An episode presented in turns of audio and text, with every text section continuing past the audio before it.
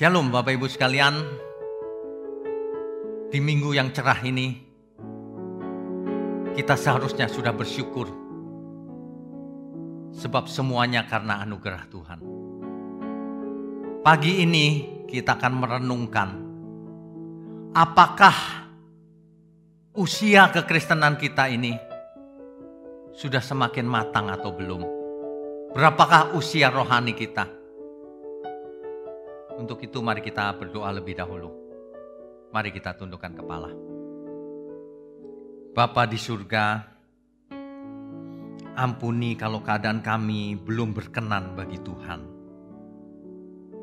Biarlah di pagi ini mata hati kami dicelikan agar kami mengerti tentang umur rohani kami, sehingga kami boleh berubah, mengejar ketinggalan setiap kami. Mohon berkati firman-Mu, berkati mulut hambamu untuk menyampaikan kebenaran ini. Hanya di dalam nama Tuhan Yesus kami berdoa dan mengucap syukur. Amin. Bapak, Ibu, Saudara sekalian,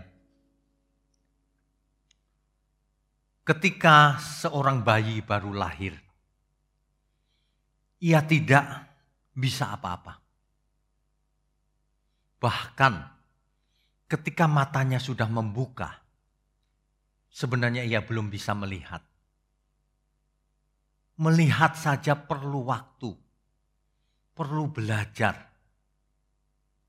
Seorang bayi tidak memiliki kemampuan apa-apa selain bernafas dan makan tentunya, minum air susu ibunya. Bahkan meskipun matanya sudah bisa melihat sekalipun, ia belum bisa apa-apa juga. Belum bisa bicara, belum bisa berjalan. Apalagi hal-hal lain. Tetapi ia bertumbuh terus dari hari ke hari minggu demi minggu, dan bulan pun berganti bulan. Lalu ia mulai belajar berjalan, tertatih-tatih, dan beberapa kali jatuh. Demikian seterusnya, akhirnya ia bisa berjalan. Tapi ia belum bisa bicara ia berusaha belajar dari apa yang ia dengar. Ia bicara semaunya. Tapi orang tuanya tidak mengerti maksudnya apa. Terkadang anak saya bicara apa, saya bingung maksudnya apa. Karena lafalnya belum jelas. Demikianlah perkembangan dari bayi menjadi balita. Lalu dari balita terus bergerak. Ia mulai belajar menggerakkan syaraf motoriknya. Ia belajar menggerakkan tangannya, kakinya. Dan ia mulai bisa bernyanyi-nyanyi sebisanya. Ia mulai bisa menari-nari sebisanya. Ini sebenarnya ajaib loh Bapak Ibu mujizat di depan mata kita. Manusia itu dari tidak bisa apa-apa berkembang terus. Itu menandakan ada tanda kehidupan. Tanda-tanda kehidupan itu pertumbuhan. Jadi dari waktu ke waktu umur kronologis semakin bertambah. Dari balita menjadi di atas lima tahun. Di atas lima tahun mulai sekolah TK. Hari ini sekolah TK pun melalui online media. Melalui internet. Les melukis juga melalui internet. Les balet juga melalui internet. Les musik juga lewat internet, saudara. Dunia sudah berubah. Tapi manusia diberi kemampuan untuk beradaptasi terhadap perubahan. Ini mengagumkan. Itulah manusia yang hidup. Kalau sudah mati tidak bisa belajar. Kalau masih hidup dia akan mengalami kemajuan pesat. Terutama di masa-masa awal kehidupan. Dari SD, SMP, SMA, lalu sarjana S1, S2, sampai S3. Perkembangannya luar biasa bukan? Ini hendaknya menjadi renungan bagi kita semua. Perenungan bahwa Tuhan menciptakan manusia itu luar biasa menurut gambar dan rupa Allah yang bisa berkembang makin lama makin maju, makin lama makin dewasa, makin matang, kemampuannya naik terus. Meskipun manusia jatuh dalam dosa, tapi rupanya manusia tetap bisa belajar. Inilah bukti bahwa manusia diberi kehendak bebas. Dari bayi menjadi balita, terus remaja, pemuda, makin mengerti kebijaksanaan. Makin mengerti hikmat. Makin mengerti kehendak Tuhan. Makin mengerti untuk apa hidup ini. Itulah perkembangan yang normal. Sayang sekali beberapa tidak mengalami perkembangan yang normal. Umurnya sudah 10 tahun, tapi belum bisa membaca. Umurnya sudah 17 tahun, tapi masih ngompol. Ada beberapa kasus perkecualian ya, Bapak Ibu ya. Dan ini menyedihkan hati orang tuanya. Orang tuanya sedih melihat anaknya tidak berkembang, bertumbuh normal. Bahkan berapapun akan dibayar oleh orang tuanya seandainya sang anak bisa sembuh. Ada berbagai macam tipe anak. Ada anak yang nakal sekali. Ada yang manja. Tapi ada juga yang menyusahkan orang tuanya. Apa saja yang dilakukannya membuat orang tuanya susah hati. Ada yang menyenangkan orang tuanya. Bahkan ada yang membanggakan orang tuanya. Orang tua rela mengeluarkan uang berapapun kerja keras demi anaknya. Supaya anaknya menjadi manusia yang utuh. Manusia yang hebat suatu hari kelak. Tidak ada orang tua yang menginginkan anaknya tidak jadi apa-apa. Kalau manusia di bumi saja sudah demikian, apalagi Bapak kita di surga. Ia sangat mengasihi kita. Sehingga ia mengaruniakan anaknya yang tunggal, Tuhan kita, yaitu Tuhan Yesus. Supaya barang siapa yang percaya kepadanya tidak binasa, melainkan beroleh hidup yang kekal. Bukan hanya hidup kekal di surga, melainkan mempunyai hidup yang berkualitas sejak di bumi. Aku datang memberi hidup, hidup yang berkelimpahan, kata Sang Mesias. Berkelimpahan di sini bukan kelimpahan harta, bukan. Berkelimpahan di sini berkelimpahan kualitas buah-buahnya berkelimpahan. Buah hidupnya berkelimpahan. Jadi ada berbagai macam tipe orang Kristen juga. Ada orang Kristen yang seketika baru bertobat, ia tidak bisa apa-apa juga. Tidak mengerti, tapi bertobat. Bagus, bagus. Sudah bertobat itu sudah bagus. Artinya ia akan mengalami pertumbuhan hidup. Ketika pertama kali jadi Kristen, apa alasan saudara? Ada beberapa orang yang berpikir ketika menjadi Kristen awal, supaya tokoku laris. Supaya aku sembuh dari penyakitku. Ya normal, itu sih tidak salah. Kalau baru bertobat, seperti seorang bayi yang ngompol terus ketika digendong orang tuanya, ngompol dia.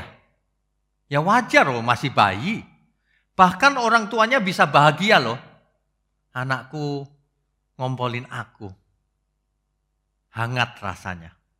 Senang orang tuanya. Meskipun bau ompolnya itu ada bau sedikit gitu, tapi itu menyenangkan hati orang tuanya. Karena masih bayi.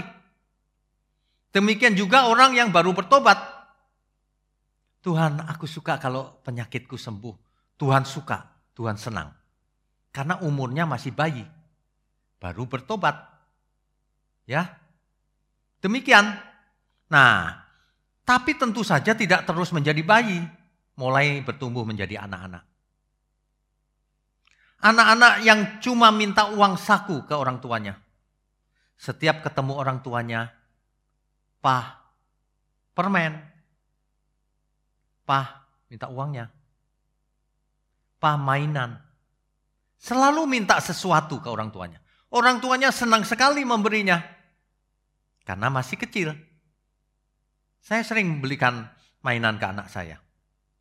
Mainan yang mendidik tentunya, motorik dan sebagainya. Kalau saya lihat anak kecil, saya suka. Saya suka juga belikan teman-teman saya anak kecil, anaknya.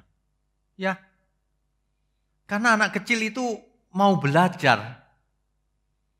Jadi ketika sang anak minta sesuatu terus gitu, kita malah suka. Kita berikan tapi yang tidak mencelakakan. Yang mendidik. Tetapi ada beberapa anak yang nakal yang menyusahkan orang tuanya. Seringkali buat persoalan bagi orang tuanya.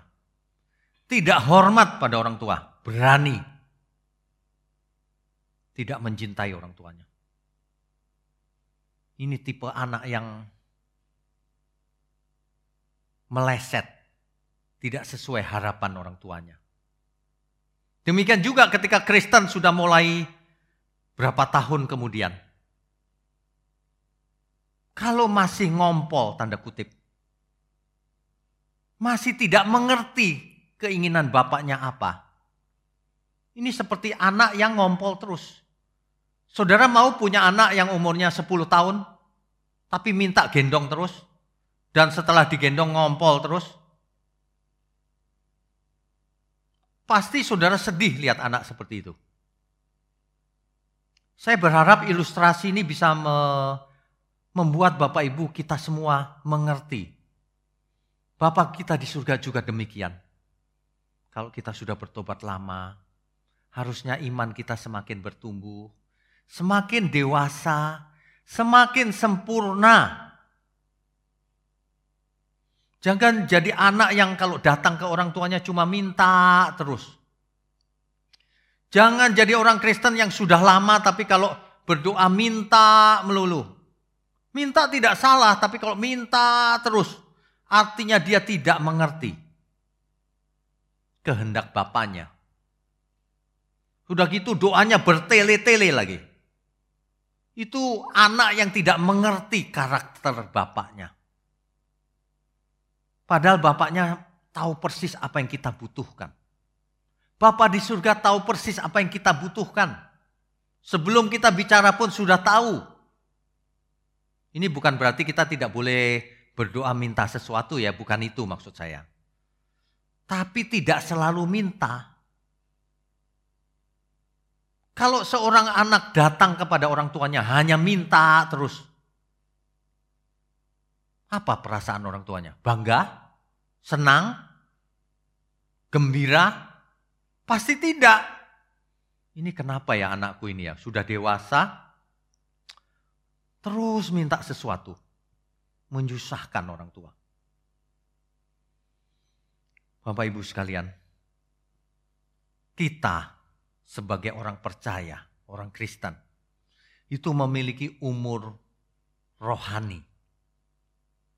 Kalau umur kronologis kita, jelas kapan kita lahir, Sampai hari ini berapa tahun? Itulah umur kronologis. Ada umur rohani.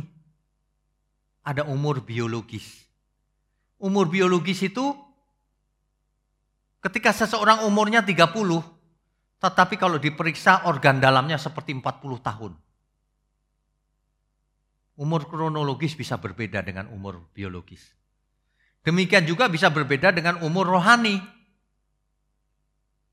Orang yang menjadi Kristen sejak kecil belum tentu umur rohaninya sudah dewasa. Bisa jadi ia masih kanak-kanak, masih ngompol bahkan. Mengapa? Karena mendengar ajaran yang salah. Karena tidak mengalami metanoia. Karena tidak mengalami lahir baru. Karena diajar secara gampangan. Kalau ikut Tuhan hidup jadi gampang. Padahal itu terbalik. Kalau ikut Tuhan hidup jadi sulit. Sulitnya di mana? Sulitnya bukan bekerja, belajar, bukan. Sulitnya aku harus hidup kudus kembali ke rancangan mula-mula. Seperti yang Tuhan rancang. Sulitnya adalah aku harus memiliki umur rohani yang sesuai dengan umur kronologisku. Jangan sampai aku sudah tua, tapi masih tidak mengerti. Kalau ketemu Tuhan, cuma minta terus. Kalau ketemu Tuhan, aku klaim janjimu Tuhan. Kalau orang baru bertobat itu nggak masalah. Tapi kalau sudah 10 tahun masih berani klaim Tuhan, itu menandakan ia tidak mengerti kebenaran. Seorang anak makin dewasa, makin tidak berani kurang ajar sama orang tuanya. Orang tuanya selalu kalau masih kecil ngompol dan sebagainya, orang tuanya maklum dan makin sayang. Tapi kalau sudah dewasa berani, ada di antara saudara yang berani kencingin orang tua? Ditabok nanti. Ya, itu kurang ajar namanya. Sama, kalau kita makin dewasa, kita makin hormat, makin mengerti akan Tuhan. Makin bersyukur, aduh Tuhan, sebenarnya aku tidak ada, sekarang menjadi ada. Aku bersyukur Tuhan, Mestinya ketika kita menemui Bapa kita, Bapa di surga, hormat, takut yang benar, bukan ketakutan, takut yang benar, hormat. Bapa, Tuhan Yesus, apa yang harus kulakukan untuk mengasihimu?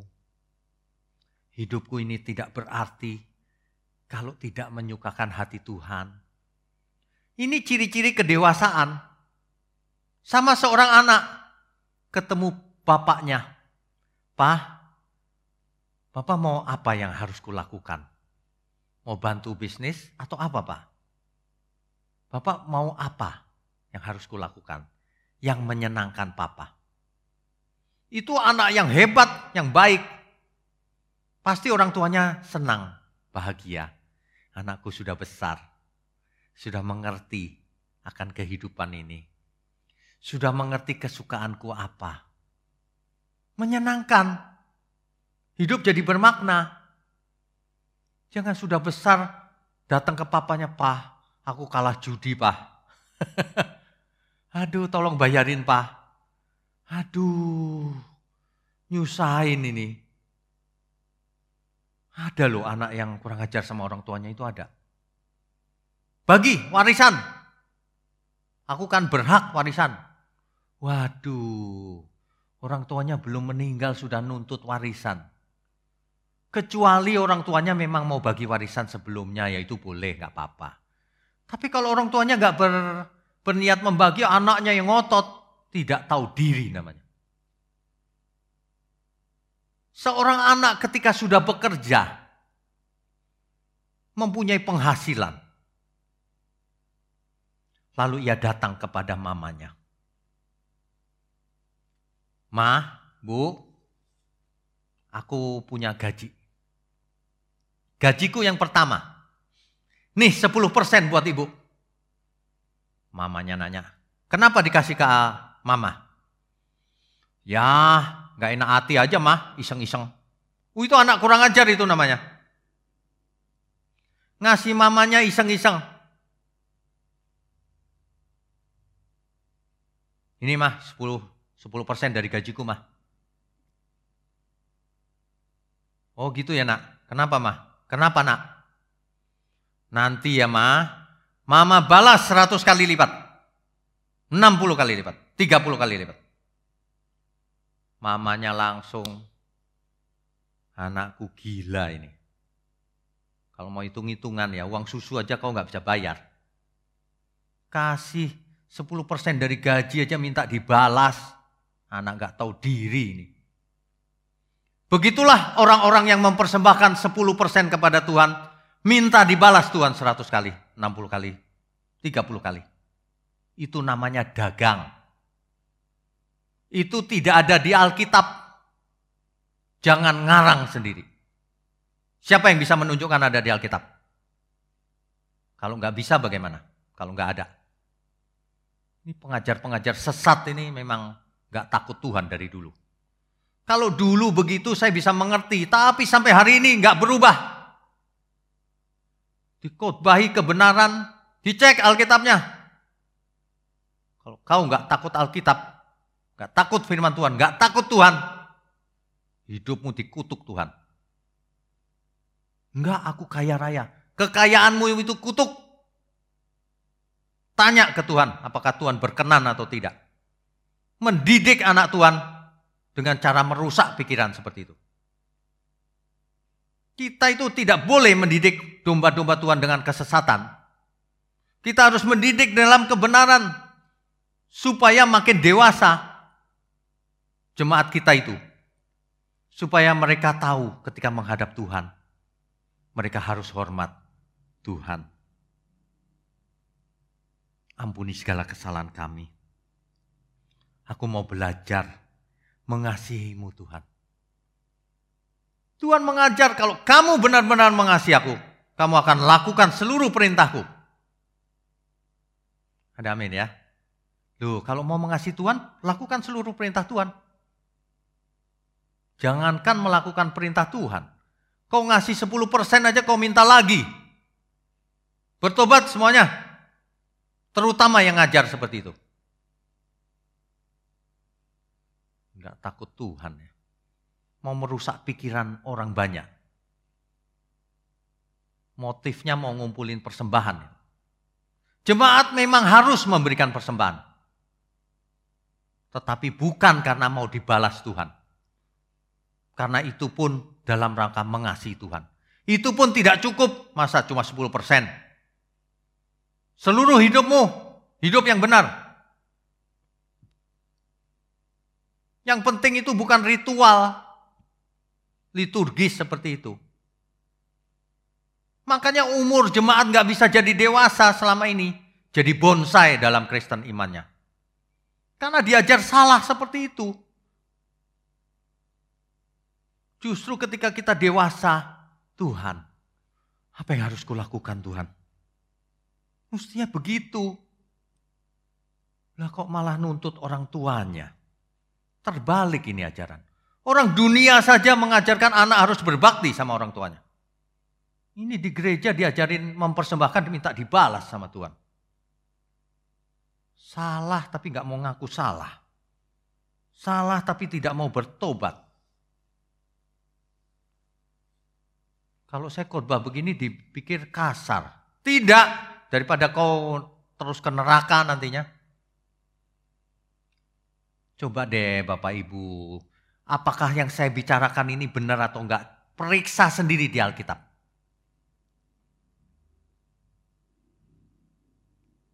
Jangan dagang sama Tuhan. Amin ya. Bicara soal umur rohani seseorang. Harus bertumbuh terus, jangan jadi anak kecil terus. Ketika Tuhan berkata, sesungguhnya kalau kamu tidak menjadi seperti anak kecil ini, kamu gak masuk kerajaan surga. Itu maksudnya adalah seperti anak kecil ini yang mau mendengarkan, mau belajar.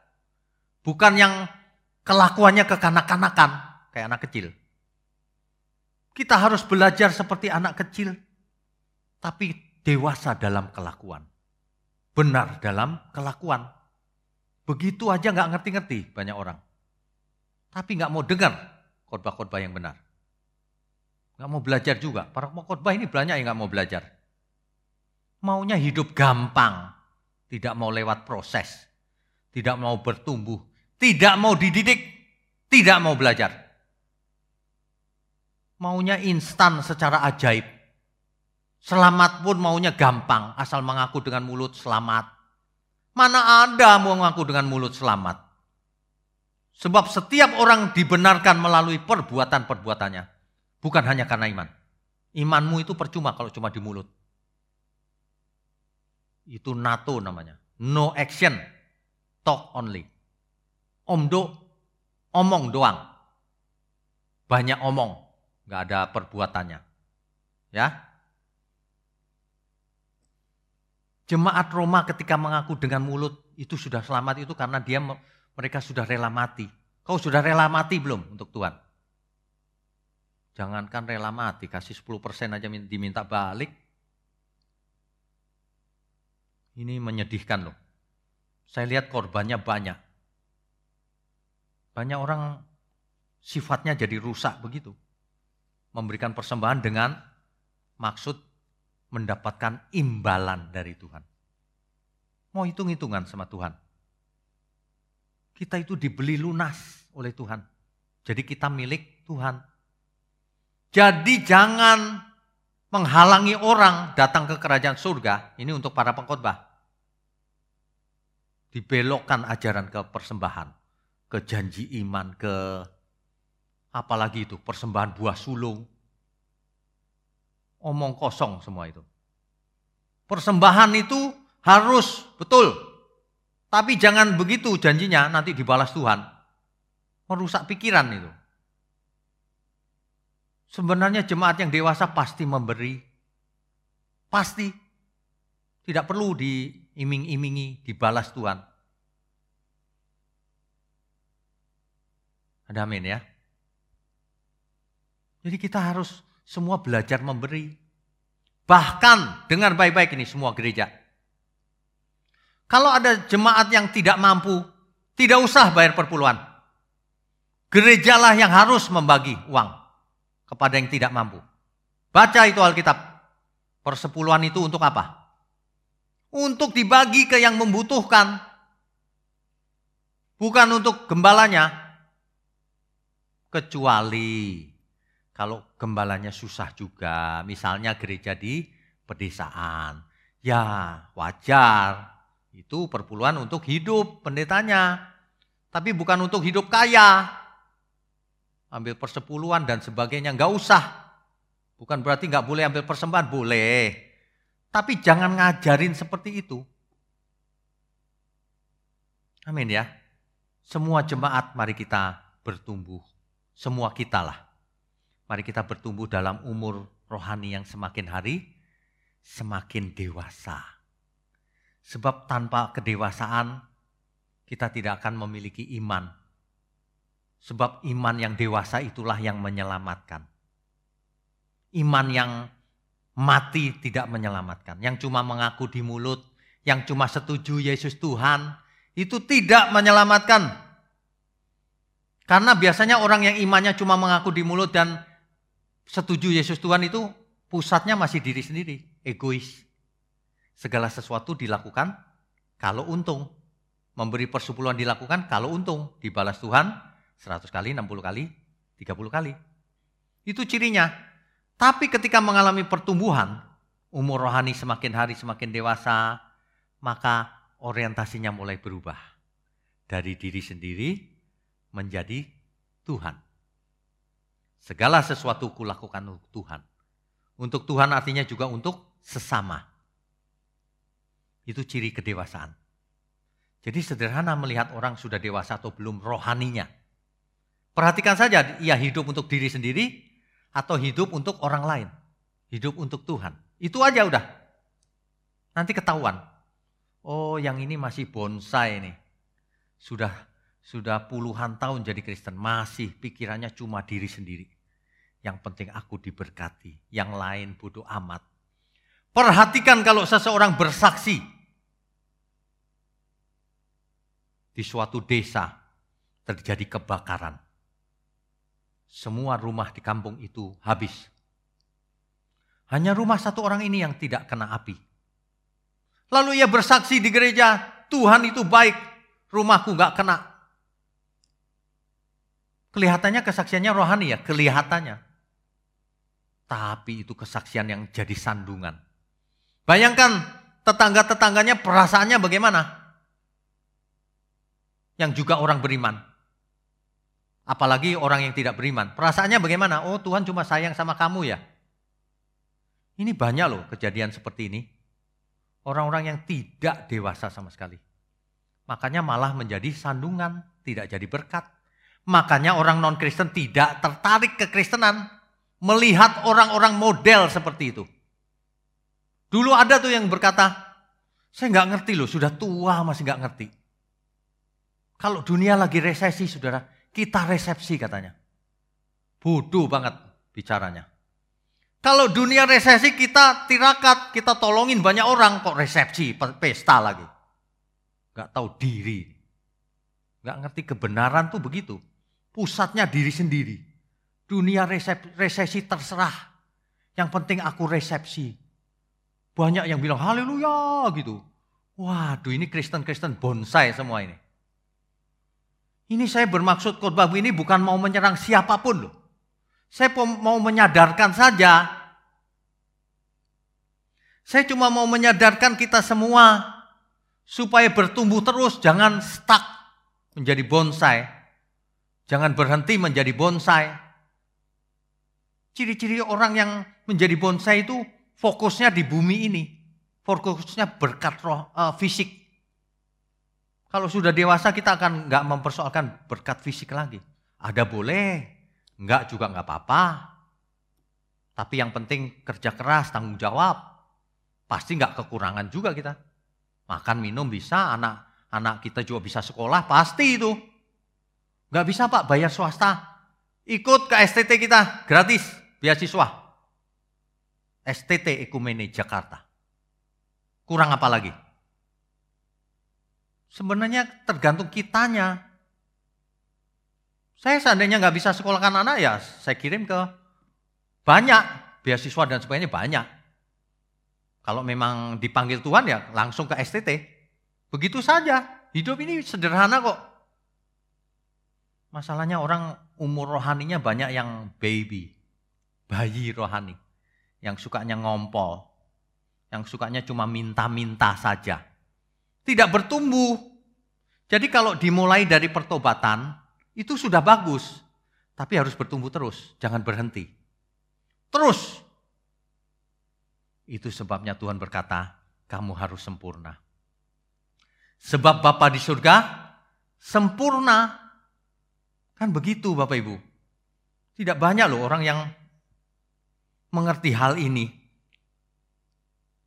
Kita itu hidup cuma satu kali, umur rohaninya jangan nggak bertumbuh, bertumbuh terus.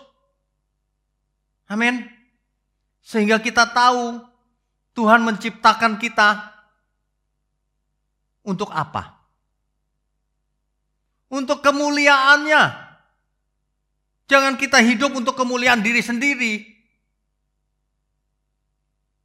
Tuhan, engkau ciptakan aku untuk memuliakanmu. Kan begitu mestinya. Amin semua ya. Bapak Ibu, coba kita renungkan baik-baik. Kalau enggak kita diciptakan Tuhan untuk apa? Ya,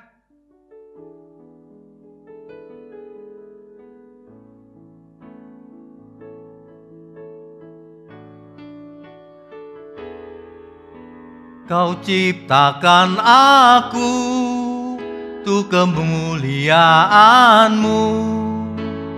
Menjadi kesukaan Bapa. Tiada lagi yang ku ingini Hanya pulang ke rumah Bapak Persiapkan aku di sisa hariku. Berkenan di hadapannya. Kau ciptakan aku Untuk kemuliaanmu. Menjadi kesukaan Bapa. Tiada lagi yang ku ingini hanya pulang ke rumah Bapa. Persiapkan aku di sisa hariku berkenan di hadapanmu. Bapak Ibu sekalian, mari kita persiapkan di sisa umur hidup kita agar hidup kita ini berkenan bagi Tuhan. Ada amin ya. Mari kita bertumbuh terus umur rohani kita. Jangan berhenti, jangan stuck. Jangan mengalami cacat rohani. Jangan menjadi bonsai rohani. Bertumbuh terus. Semakin hari semakin dewasa, semakin matang, semakin sempurna. Semakin mengerti untuk apa hidup ini. Semakin menyenangkan dia. Dia ciptakan kita untuk kemuliaannya. Amin saudara. Mari kita renungkan baik-baik. Kau ciptakan aku Tuhan. Kau ciptakan aku untuk kemuliaanmu menjadi kesukaan Bapa. Tiada lagi yang ku ingini hanya pulang ke rumah Bapa. Persiapkan aku di sisa hariku berkenan di hadapanmu. Kau ciptakan aku untuk kemuliaanmu menjadi kesukaan Bapa. Tiada lagi yang ku ingini hanya pulang ke rumah Bapa. Persiapkan aku di sisa hariku berkenan di hadapanmu. Bapak Ibu sekalian, sebenarnya hidup ini adalah anugerah. Kita diberi kemampuan dan dipimpin oleh rohnya supaya kita mengalami pertumbuhan yang luar biasa. Tidak hanya fisik kita, terutama mental dan rohani kita. Sehingga kita berkenan baginya sampai selama-lamanya. Bahkan sampai langit baru dan bumi yang baru. Amin. Bapak Ibu sekalian jemaat Tuhan di mana pun berada, Jemaat GSKI Pantai Indah Kapuk. Tetap semangat. Ayo, meskipun kita tidak bertemu secara fisik, kita bisa bertemu secara online. Ayo belajar terus mengerti makna hidup yang sebenarnya, yaitu untuk kemuliaan Tuhan. Bagi Bapak Ibu di mana pun berada, yang di luar Jakarta, Bapak Ibu bisa menjadi jemaat kita juga secara online, jemaat online. Sebab sudah waktunya gereja menjadi gereja online juga. Sampai kapan pun. Bapak Ibu yang ingin mendaftar silakan hubungi saudari 20 di gereja kami. Pilihlah gereja yang sehat Bapak Ibu. Agar Bapak Ibu saudara sekalian bisa bertumbuh di dalam Tuhan. Amin. Bapa di surga, terima kasih untuk firman-Mu. Kami percaya berkat Tuhan sudah turun atas kami semua. Hanya di dalam nama Tuhan Yesus kami berdoa dan mengucap syukur. Haleluya. Amin.